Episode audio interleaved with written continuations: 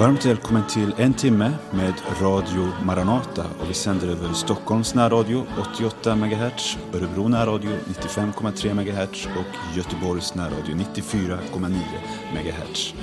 Den här timmen sänder vi Måndagsmagasinet och medverkar gör Hans Lindelöf som är programledare ikväll, Paulus Eliasson och Berno Widén.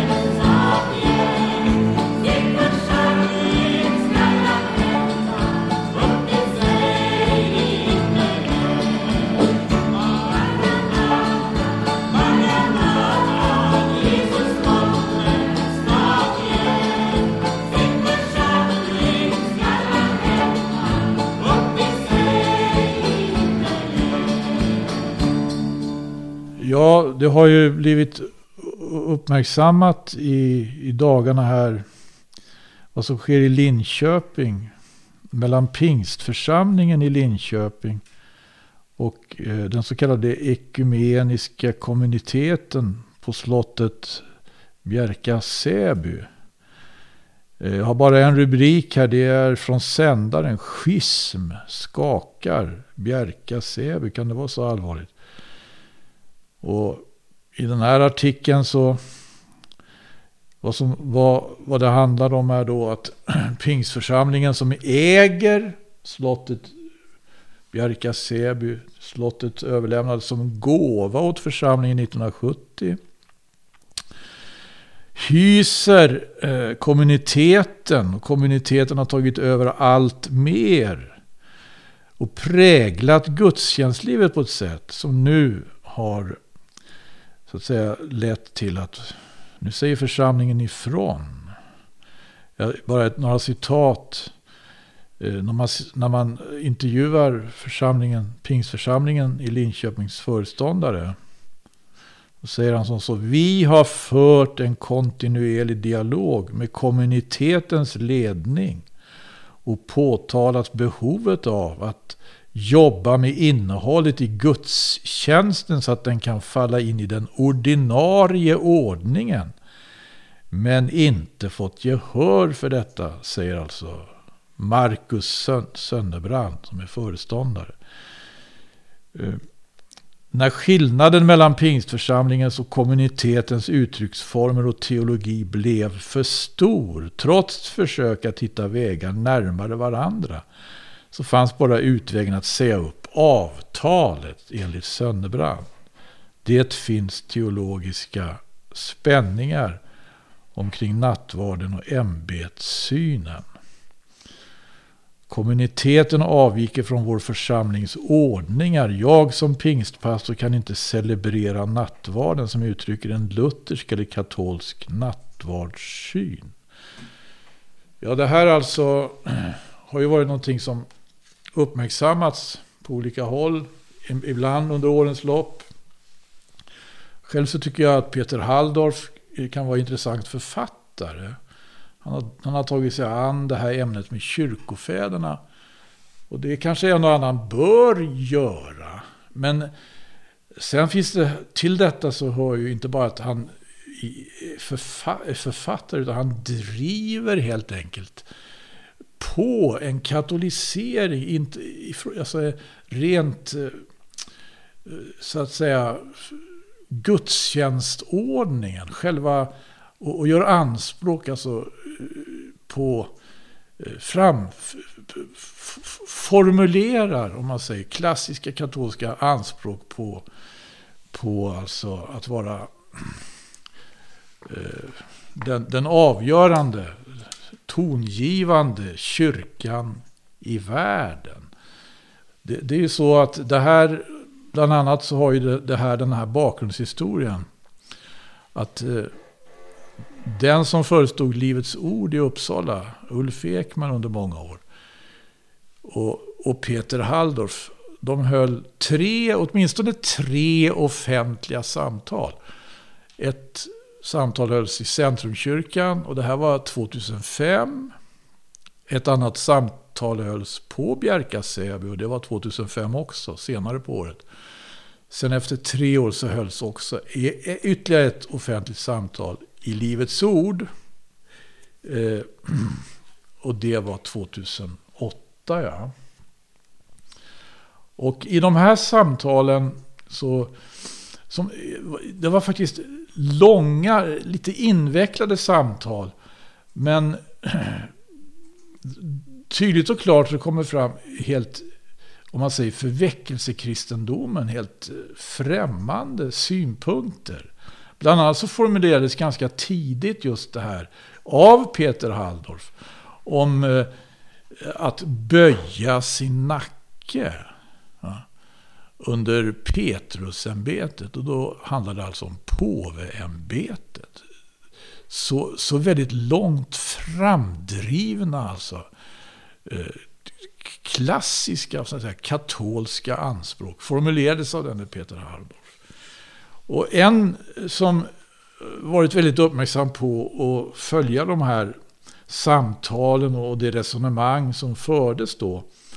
Det var ju Stig Andreasson som lämnade oss för ett år sedan. Han, eh, han eh, gick hem till Gud. Det var faktiskt nästan på dagen för ett år sedan. Han har ju eh, skrivit ett antal, ja rätt många artiklar i tidningen, som, som, som publiceras i tidningen Midnattsropet. Och eh, tänkte faktiskt titta lite grann på det. För han får faktiskt tag i det, i det här resonemanget.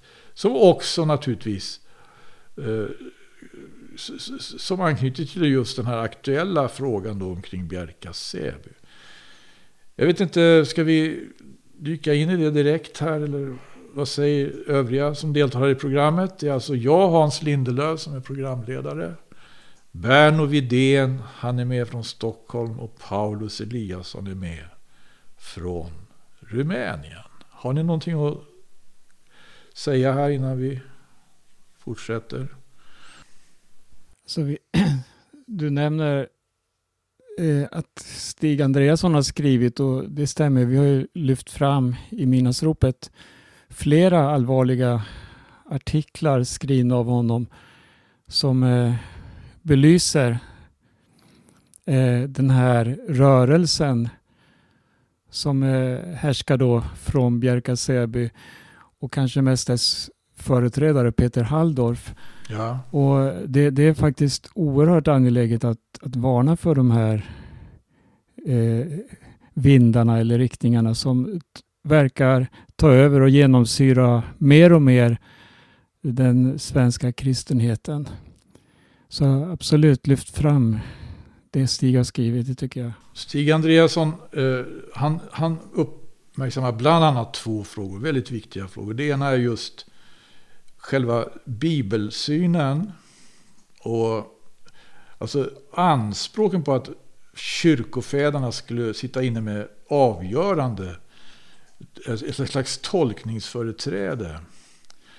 Det fanns en artikel i Midnattsropet Förföriska vindar över svensk kristenhet. Ja, den, eh, det är ett ämne som Stig Andreasson återkom till flera gånger. Och jag läser ur den här artikeln eh, från början här. Vurmen för kyrkofäderna. Vi ska börja den här artikeln med några citat från tidskriften Keryx. Citat som verkligen belyser hur traditionen från kyrkofäderna faktiskt höjs till skyarna i Sverige idag. Kyrkofädernas påstådda nyckelroll. Jag kan kanske säga det då att den här artikeln var införd i Midnattsropet 2012. 2012. Kyrkofädernas påstådda nyckelroll. Kyrkofäderna har tagit ett stort kliv in i det kristna medvetandet i Sverige och citeras nu utan problem av frikyrkofolk som innan knappt vetat om deras existens. Pingstvännerna lärde mig att älska Bibeln, men det var kyrkofäderna som hjälpte mig att förstå Bibeln. Kan man förstå Bibeln utan att lyssna till de som var dess första läsare? Om vi rycker upp Bibelns texter från den jord i vilken den sprang fram och fick sin näring kommer vår uppfattning om Bibeln, om vad Bibeln lär att spreta i alla möjliga riktningar. Så står vi där med brottstycken av godtyckliga tolkningar avhängiga av vår egen tids förutsättningar och vår falangs tycke och smak. Det var ett långt citat här av Peter Halldorf. Ett annat citat är från Ulf Ekman då vid den tiden. Vad vi idag inte alltid har insett är faran med att undervärdera den historiska kyrka i vars hägn skriften växte fram. Några inledande anmärkningar till detta vurmiga intresse för kyrkofäderna. I det första citatet möter vi ett glädjerop över att kyrkofäderna numera klivit in i frikyrkligheten, där man tidigare knappast vetat om deras existens. Sin vana trogen framställer Keryks frikyrkofolk som okunniga och inskränkta. Jag kom osökt att tänka på ett besök som jag gjorde hos en frikyrkopastor. Medan jag beundrade hans digra boksamling upptäckte jag att där fanns hela samlingen av kyrkofädernas skrifter på engelska. Eftersom jag kände pastorn ganska väl var jag övertygad om att böckerna inte bara var till prydnad i bokhyllan. Han hade säkert läst det mesta i dem. Alla har säkert inte studerat ämnet lika ingående. Men att folk i allmänhet och, och frikyrkliga i synnerhet skulle vara så totalt okunniga om kyrkofäderna tror jag är ett dåligt underbyggt påstående. Att förkunnelsen inom frikyrkliga väckelserörelser inte gjort sig bemärkt för ett ständigt citerande av kyrkofäderna är ju ganska naturligt. Det har alltid varit förkunnelsen av Bibelns budskap som varit den bärande stommen i all andlig väckelse. Vad gäller de övriga citaten så är det förnämst en anmärkning som behöver göras. Det är att om jag inte haft vetskap om vem som hade skrivit dem skulle jag utan tvekan trott att författarna var katolska eller ortodoxa teologer och apologeter. Att de skulle kunna ha sin hemvist i församlingar och rörelser som hör till den evangeliska familjen förefaller vid första påseendet helt otänkbart. Men tyvärr är det ju i så fall är det ju så i alla fall. Och då uppstår många frågor. Men vi måste hellre rikta sökarljuset på själva innehållet i ovanstående citat. Och vi måste se efter om denna vurm för traditionerna från kyrkofäderna är sund och förnuftig eller inte kyrkofädernas påstådda nyckelroll för rätt bibelförståelse. Peter Halldorf vittnar om att det var kyrkofäderna som hjälpte honom att förstå Bibeln. Och han ställer frågan, kan man förstå Bibeln utan att lyssna till de som var dess första läsare? Detta är egentligen en märklig fråga. Bibelns första del de gammaltestamentliga böckerna hade givetvis haft många läsare före, före kyrkofädernas tid. Men dessa omtalade fäder var absolut inte heller de första läsarna av Nya testamentets apostoliska skrifter. De som först läste exempelvis aposteln Paulus många brev måste ha varit de troende i de församlingar till vilka breven var adresserade. Detsamma gäller de övriga apostoliska skrifterna. De första adressaterna måste också ha varit de första läsarna. Dessa har knappast efterlämnat några skrivna vittnesbörd om hur de uppfattat budskapet i de apostoliska breven, inte utöver vad apostlarna själva har antytt. Paulus gläder sig till exempel över att de kristna i Thessalonika tog emot det ord som apostlarna predikade som ett Guds ord. Ja, det här var ett långt stycke av den här artikeln, men den, det återstår en hel del.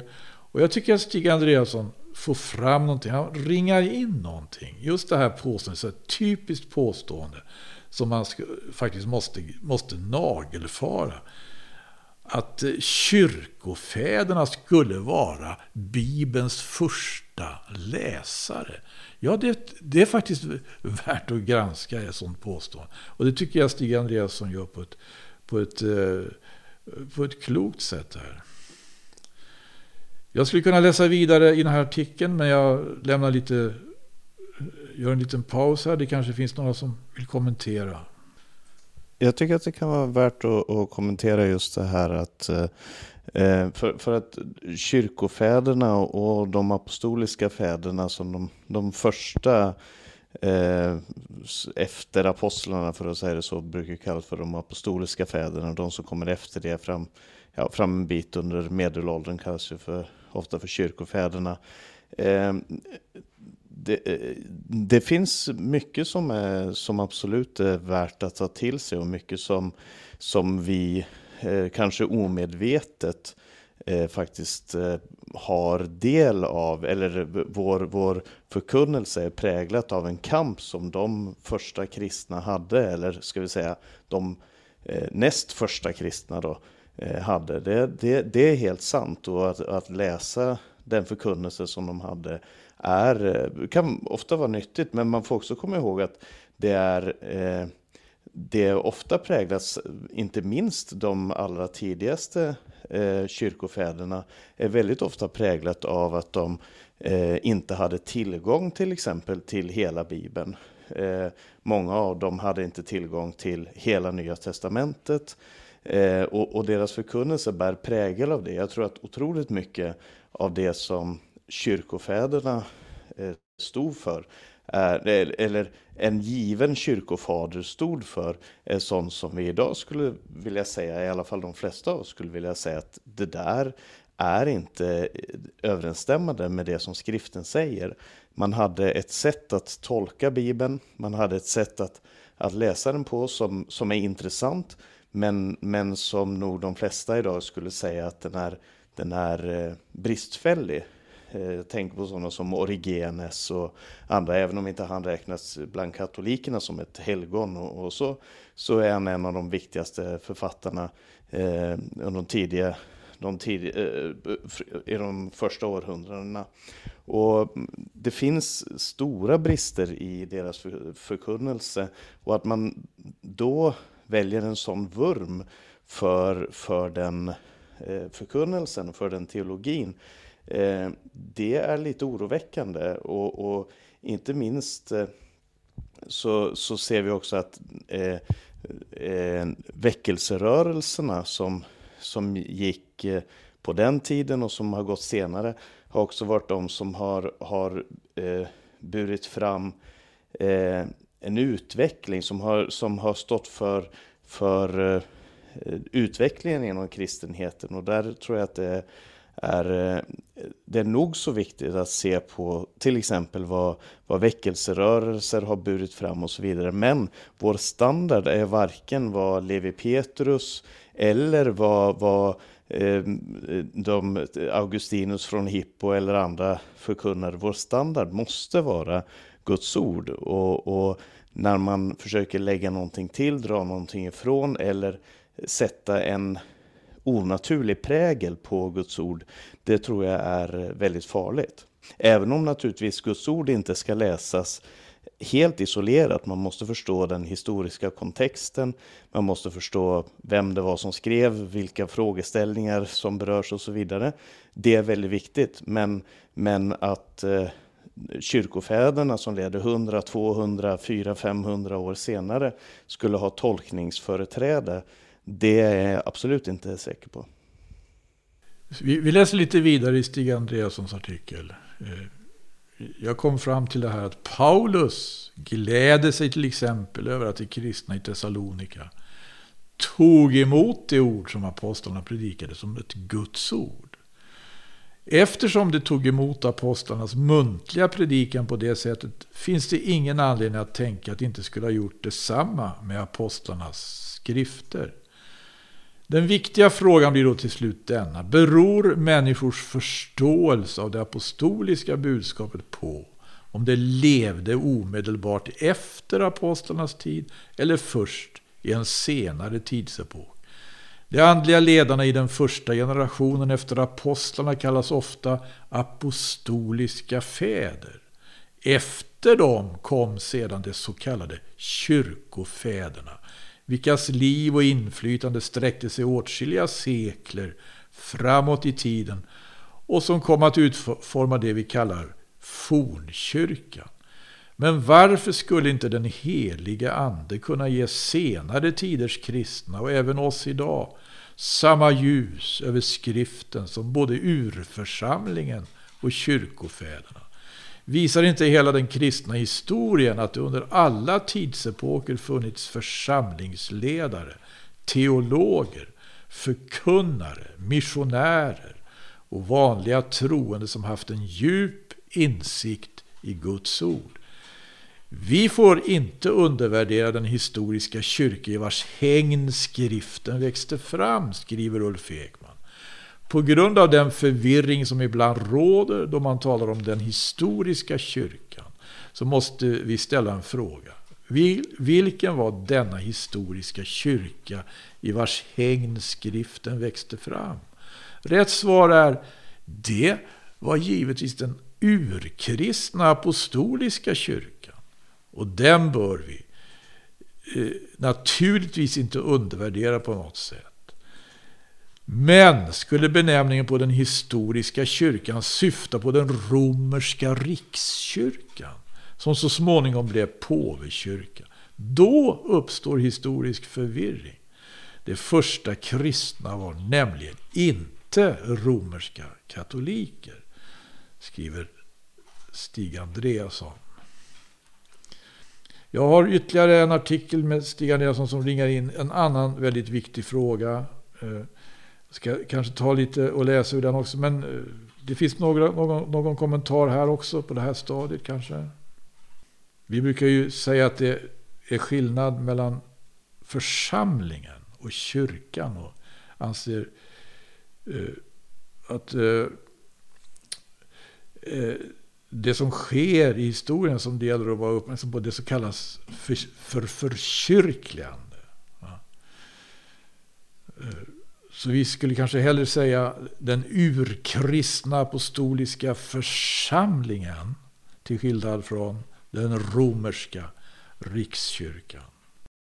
Man måste ju tänka på för att när, när katoliker eller när den katolska förkunnelsen bygger stort sett på att eh, det finns en obruten linje, eh, en succession från Eh, den katolska kyrkan, eh, alltså från, från den apostoliska tiden till, till det som den romersk-katolska kyrkan står för idag. Och det är en, eh, ett påstående som inte borde stå obestritt. Eh, inte heller, alltså dagens kyrka har väldigt lite att göra med både 2, 3, 4, 5, 6 och 700-talets Eh, eh, eh, församling eller kyrka. Alltså det finns ett, precis som du säger, så finns det ett förkyrkligande om man ska använda det uttrycket eller en, en rörelse mot det som idag är den romersk-katolska kyrkan. Och man kan inte dra en gräns och säga att här hände det. Eh, man skulle kunna tala om, om 300-talets eh, eh, alltså förstatligande av den kristna tron. Man skulle kunna tala om eh, olika teologer på, på 5, 6, 700-talet. Man skulle kunna tala om brytningen på 1000-talet mellan öst och väst. Kanske eh, det bästa är att, att faktiskt dra, tala om den romersk-katolska kyrkan efter år 1000. Eh, och ba bara för att det har funnits eh, en, en föreståndare, en biskop i Rom under alla de här tiderna, så betyder inte det att den syn som man har idag på den, på den katolske biskopen eh, i, i Rom är densamma som man hade ifrån, ifrån begynnelsen, från början. Eh, snarare tvärtom så, så eh, gör man anspråk på en tradition Eh, och på en succession som är väldigt svår att eh, ta på allvar när man ser på det objektivt. Och det kan vara värt att, att ta med sig att den romersk-katolska kyrkan som är idag, det är inte den församling som var verksam på 2, 3, 400-talet. Eh, de skulle inte känna igen sig idag för att säga det så. Jag fortsätter lite till här, Stig Andreassons artikel. Kyrkofädernas tolkningar stämmer inte alltid med Bibelns budskap. Kyrkofäderna är alltså inte den jord ur vilken den heliga skrift sprang fram. Påståendet att vår uppfattning av Bibelns lära kommer att spreta i alla möjliga riktningar om vi inte håller oss till kyrkofäderna stämmer inte heller med verkligheten. Det är att totalt romantisera kyrkofäderna. Pingstteologen Göran Lennartsson skriver Det är inte en enhetlig kristen syn som kyrkofäderna lämnar efter sig. Vilka kyrkofäder ska man då följa? Ja, det blir den stora frågan. Följer vi dem alla kommer säkert vår uppfattning om Bibelns lära att spreta i alla möjliga riktningar. Kyrkofäderna är nämligen en brokig skara. Men vi går vidare. Efter att ha varnat oss för att ignorera kyrkofäderna ger Peter, Halldorf, ger Peter Halldorf oss alldeles gratis men förmodligen omedvetet, två exempel på allvarliga avvikelser från biblisk tro som han hämtar från vissa kyrkofäder. Den första lyder så här. Den tidiga kyrkans viktigaste teologiska axiom var Gud blev människa för att människan skulle bli Gud. Den meningen anses härstamma från både Ireneus, som levde mellan 140 och 202, och Athanasius, som levde mellan 295, år 295 och år 373. Men återges ofta något annorlunda, som exempelvis Kristus blev som oss för att vi skulle bli som han. Betyder detta nödvändigtvis ett bokstavligt och totalt gudomliggörande av människan? Knappast. Gregorius av Nassians, 329-389 levde han, uttrycker sig tydligare. Jag blir Gud när själen blir förenad med gudomen. Dessa föreställningar om människan som blir Gud är intimt förbundna med olika former av mysticism. Enligt ortodoxt tänkande uppstår det nya livet i Kristus genom de heliga mysterierna eller sakramenten samt genom kontemplation och meditation. Människans gudomliggörande är ett stort tema i den ortodoxa kyrkan, men även romersk-katolsk katakes innehåller detta teologiska axiom. Målet med Jesu människoblivande sägs vara att göra människan till Gud. I vår tid har trosrörelsen förkunnat detta på sitt sätt. Den troende är lika mycket en inkarnation av Gud som Jesus är det, enligt Kenneth Hagin. Olika grenar av new age erbjuder också en mängd tekniker och metoder som syftar till att göra människan medveten om sin egen gudomlighet. Man ska finna Gud inne i sig själv. Detta har blivit väldigt populärt i vida kretsar. Vad säger Bibeln om detta? Psalmisten sa till Herren i sin bön.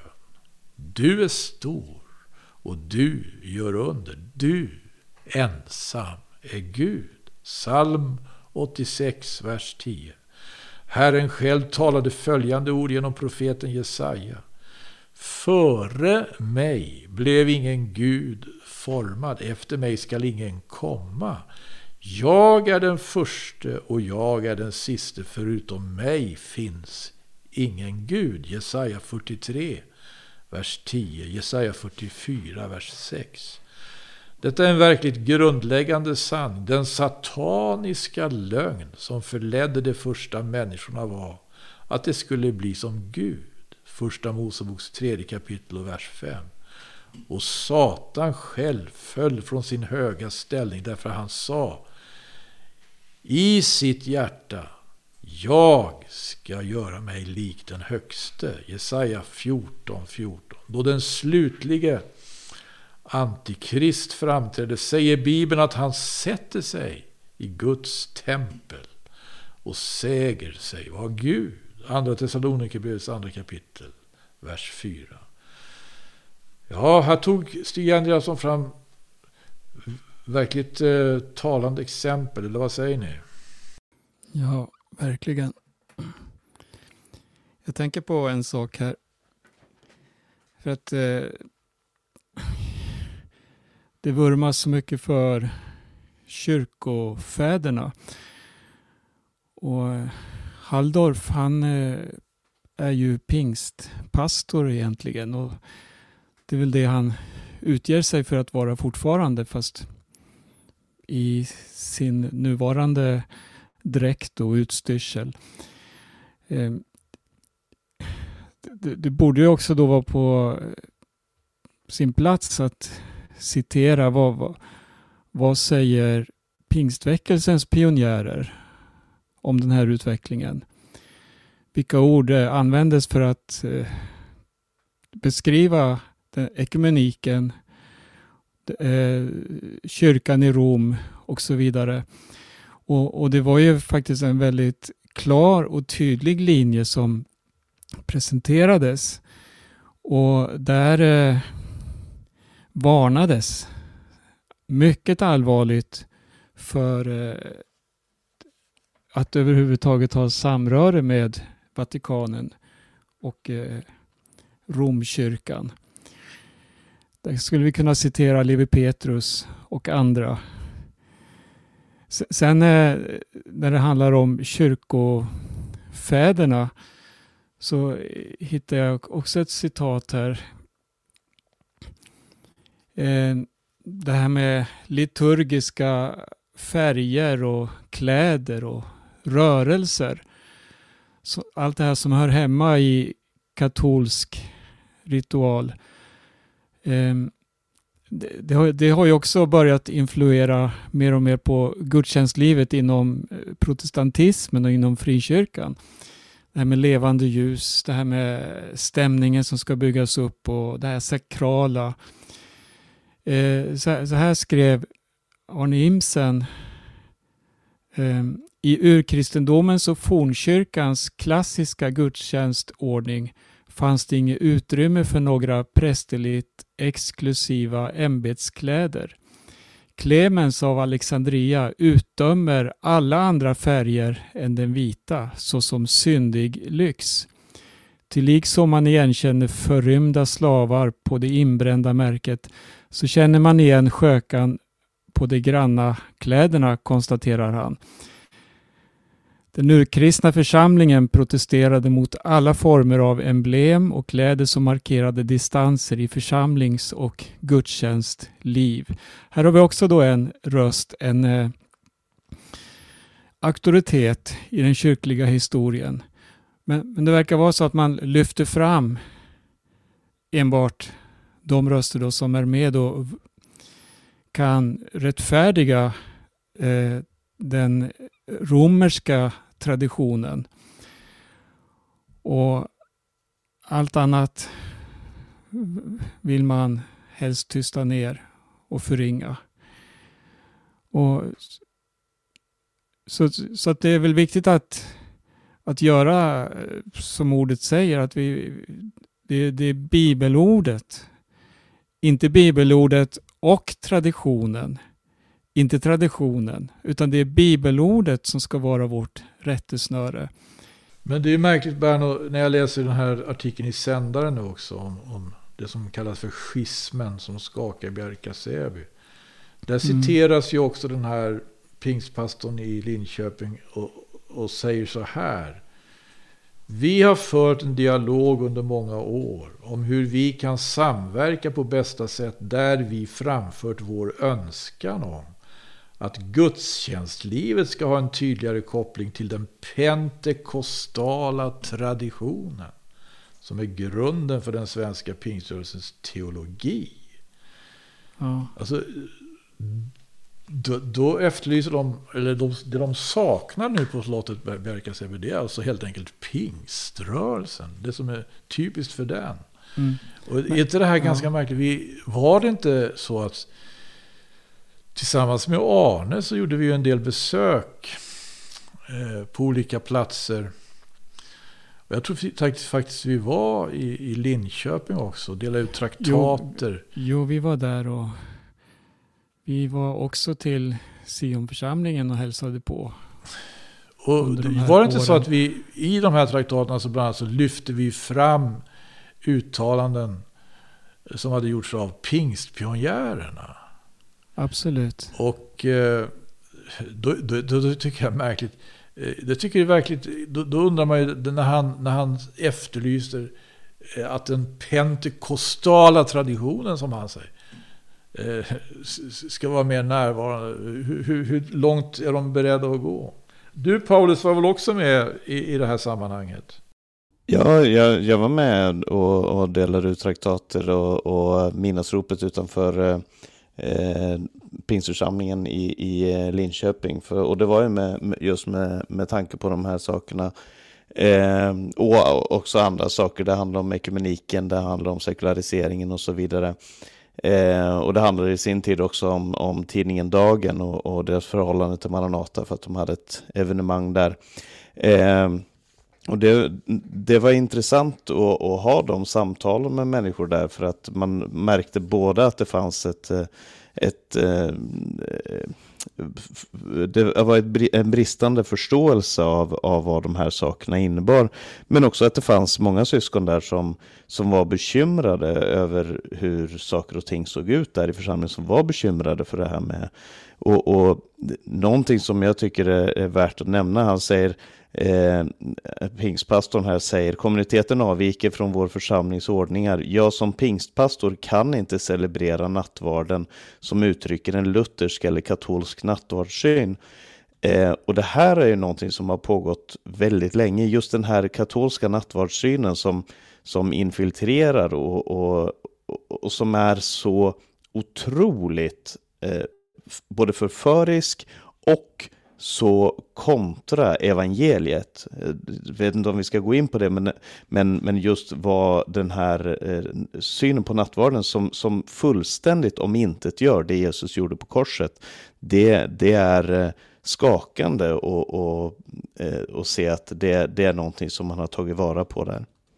Men, men Paulus, eh, det här med nattvarden, för att för 25 år sedan då Bjerka Säby var i sin linda, då, då, då, sa man ju tvärtom att tänk snart så är vi, har vi också en nattvardssyn som godtas av katolska ämbetet, katolska kyrkan. Och då uttalade sig katolske biskopen, då uttalade sig pingstföreträdare då, Sten-Gunnar Hedin och sa att det enda som skiljer nu, en kärnfråga, det är just nattvarden eller mässan. Och idag går pingstpastorn i Linköping ut och säger att på grund av den så kan vi inte fortsätta. Så där. men sen har jag läst eh, hur eh, man nu försöker lappa ihop den här konflikten och då har ju Sten-Gunnar Hedin och andra ryckt fram då för att försöka se till att kommuniteten ska ändå kunna vara kvar på Bjärka-Säby, att man ska inte förstöra det som nu har byggts upp. Och det är verkligen kyrkopolitik och en gyttja där man eh, ja, vill inte förlora här, den här katolska anden, det här eh, katoliserandet som har satt sin prägel på Bjärka-Säby. Mm.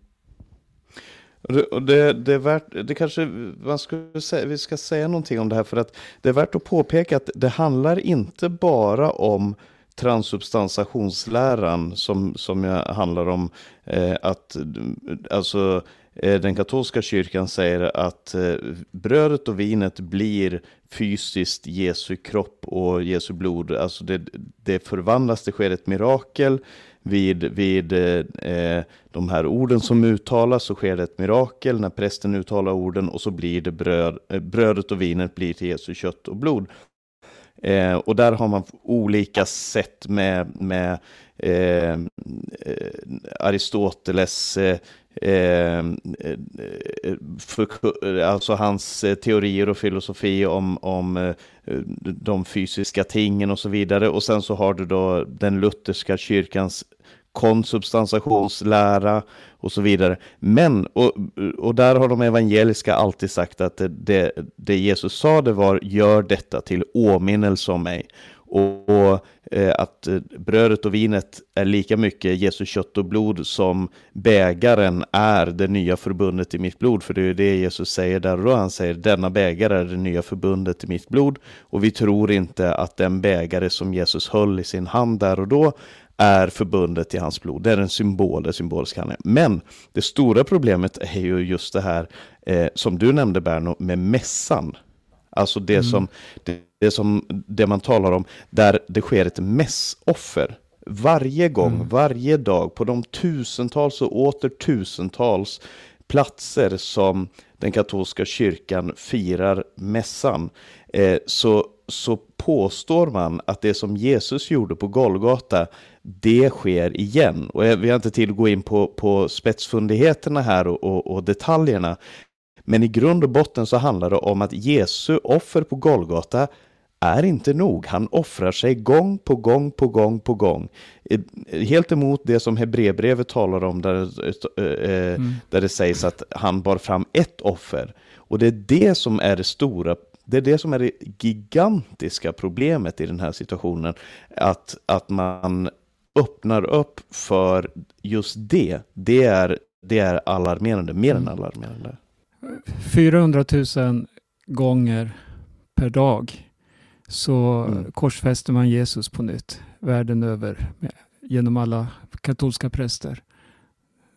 Det är enorm, det är en enorm villolära. Och det, det, här, det här är ju, det är inte bara en detalj eller en spetsfundighet, utan det här är själva hörnstenen i den katolska läran, i hela katolska själen. Det är ju mässoffret.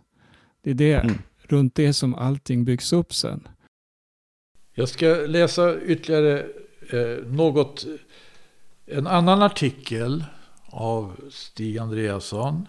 Eh, därför att eh, jag tycker ju att det är ganska märkligt det här fenomenet. Det har ju uppstått alldeles i anknytning till 500-årsjubileet av reformationen.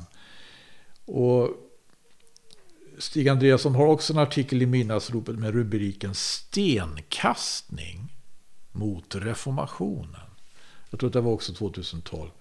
Och eh, efter att ha liksom eh, gjort en inledande presentation överhuvudtaget av reformationen så att säga så kommer han in på några nutida stenkastare har ordet. Peter Halldorf skriver följande om hur han uppfattar reformationens verkliga natur. När var och en blev sin egen auktoritet låg snart vägen öppen för en utveckling som skulle leda till ständigt nya avknoppningar. Den som menade sig läsa Bibeln i större trohet mot ursprungskristendomen än andra uppfattade sig ha mandat att bilda egen kyrka. Även Ulf Ekman har i stort sett samma uppfattning. Så här skriver han. Det går en djupt liggande spricka genom kristenheten sedan reformationen som berör oss alla djupare än vi anar eller tillåter oss att pröva i vår tanke. Inte heller har vi sett hur den sekularisering, förnekelse och relativism som idag präglar samhället och plågar kristenheten faktiskt har sina rötter i den splittring som reformationen legitimerade. Den protestantiska evangeliska kristenhetens situation idag präglas i stort mått av denna splittring som ständigt fortsätter. Svante Rumar som är lärare vid Livets Ords teologiska seminarium kan också kasta sten. Han skriver Luthers lära om skriften alena som för många betyder att man bara grundar sig på Bibeln har inneburit att var och en blir salig på sin egen tro. Alla villoläror sedan reformationen har grundat sig på skriften alena. Tre stenkastare. Första stenen att reformatorerna menade sig ha mandat att bygga egen kyrka är missriktad stenkastning. Varken Luther eller Calvin hade från början den ringaste tanke på att bilda egen kyrka. De sökte först av allt efter frid med Gud. Ja, sen tar han upp det här andra. Och det är ju helt riktigt alltså. De, de ville få till stånd ett kyrkomöte. Det var det de kämpade för. Ett kyrkomöte som skulle kunna ta deras invändningar på allvar och pröva inför, eh, så att säga, en, eh, inför teologer och inför, inför hela kyrkan. Det blev ett kyrkomöte, men protestanterna var icke välkomna dit. Och, utan blev istället bannlysta. Så det är ju ett sätt, alltså, här, här, här eh, som sti, tycker, tycker jag också Stig Andreasson gör väldigt rätt i att ringa in just de här påståendena. Mm. Vad säger ni? Jag säger så här att eh, eh Halldorf, han menar att alla måste böja sig under påvens nacke så att säga. Man, må, man, måste gå in under hans ämbete. Och jag, jag, läste en sak, det var också ganska många år sedan nu, säkert 25 år sedan, i världen idag.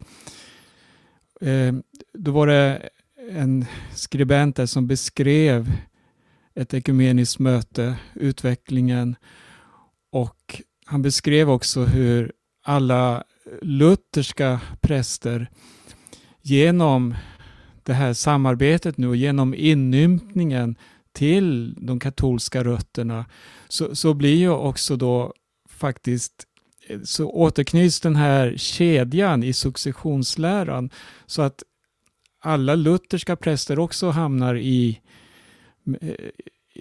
på, på rätt väg nu då, att nu är vi präster i en obruten linje enligt den katolska kyrkans tradition då, vilket är ett krav för att man ska kunna utföra ett, ja, ett ämbete alltså i, i kyrkan. Och det var en lyrisk protestantisk skribent som skrev det här. Man, man så, och, och det är berusningens kalk verkligen. Paulus? Nej, jag, jag tänkte bara nämna här den här det här påståendet att det är de som eh, har Bibeln som enda auktoritet som är de som är mest olika och det är där sekterna och, och, och de eh, schismerna uppstår. Det är ju heller inte sant därför att eh, de, de stora schismerna, de stora skillnaderna sker ju inte mellan de som tror att Bibeln är den enda auktoriteten, eh, den enda det, eller inte den enda auktoriteten ska jag säga, för det tror jag inte. Jag tror att det finns många auktoriteter, men den ändliga, den slutliga auktoriteten, den som har det utslagsgivande svaret i, eh, i alla frågor är Guds eget ord. Det är det skriften själv säger, att hela skriften är innan av Gud och den är nyttig till undervisning, till rättavisning. Det är det enda som det står om som är inandat av Gud, utblåst ifrån Gud. Eh, så det måste ju nödvändigtvis vara vår, vår auktoritet. Och sanningen är ju den att eh, det är större skillnad mellan de som har valt att se bort ifrån Bibeln eller de som har lagt till en auktoritet. Där är de stora skillnaderna, inte mellan de som menar att Bibeln är den enda slutliga auktoriteten. Stig Andreasson fortsätter med den andra stenen. Alla villoläror sedan reformationen grundar sig på skriften alena. Verkligen kan detta stämma. Många villfarelser har sett dagens ljus både före och efter den protestantiska reformationen. Orsakerna är många. Skulle reformationens bidrag till den kristna trons utveckling vara att ha uppfunnit en villfarande princip kallad skriften alena? Det är verkligen ett märkligt påstående. Speciellt från en person som samtidigt säger, säger sig vara stolt över det reformatoriska arvet. Och sen tar Stig Andreasson upp några exempel på villfarelser som faktiskt har uppstått.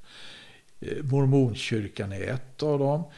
Eh, men också påvekyrkans eh, faktiskt rent flagranta exempel på villfarelse som speciellt eh, på senare tid, det är dogmerna om Marias medfödda syndfrihet och hennes himmelsfärd med åtföljande kröning till himladrottning.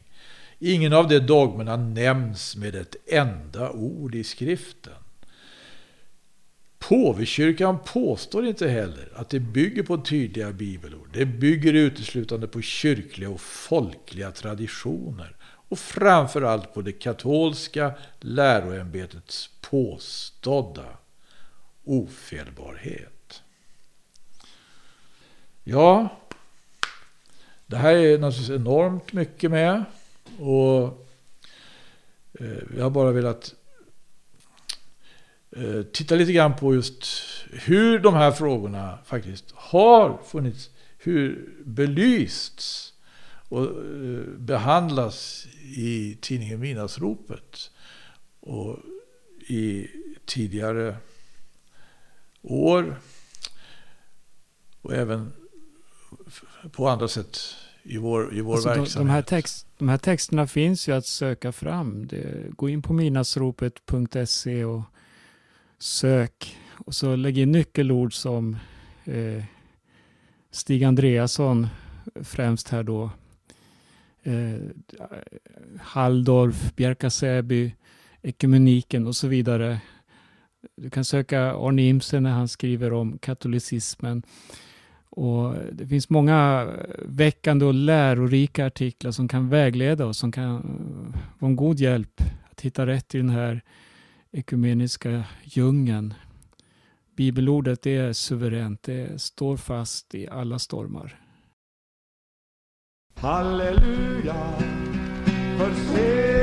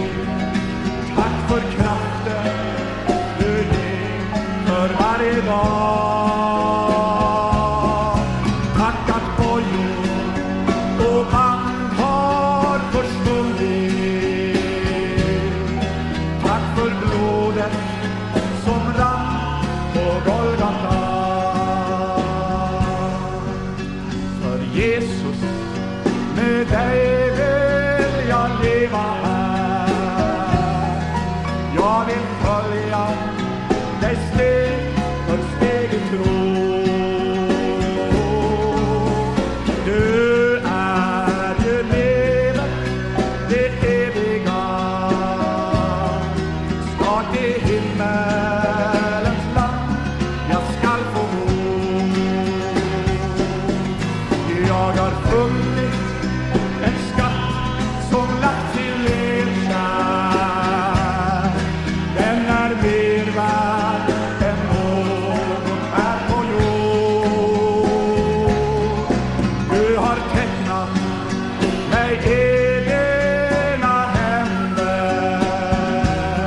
Du lyssnar till Radio Maranata och vår sändning här går mot sitt slut. Det här programmet har sänts över Stockholms närradio 88 MHz, Örebros närradio 95,3 MHz och Göteborgs närradio 94,9 MHz. Och medverkade i det här programmet gjorde Hans Lindelöf som var kvällens programledare, Berno Vedén samt Paulus Eliasson. De sånger vi har hört det är församlingen som sjöng i början av programmet Maranata, Maranata, Jesus kommer snart igen. Och nu sist hörde vi Robin Widén leda församlingen i sången Halleluja för segern du har vunnit. Vill du ha mer information om oss, vill du ha kontakt så är du välkommen att besöka vår hemsida på www.maranata.se. Du kan även mejla oss på info.maranata.se eller ringa 070-201 60 20. Och glöm inte heller att du kan besöka tidningen Midnattsropets hemsida där alla årgångar av Midnattsropet finns att läsa. Det är på www.midnattsropet.se. Med de orden önskar jag dig Guds rika välsignelse och på återhörande i Radio Maranata snart igen.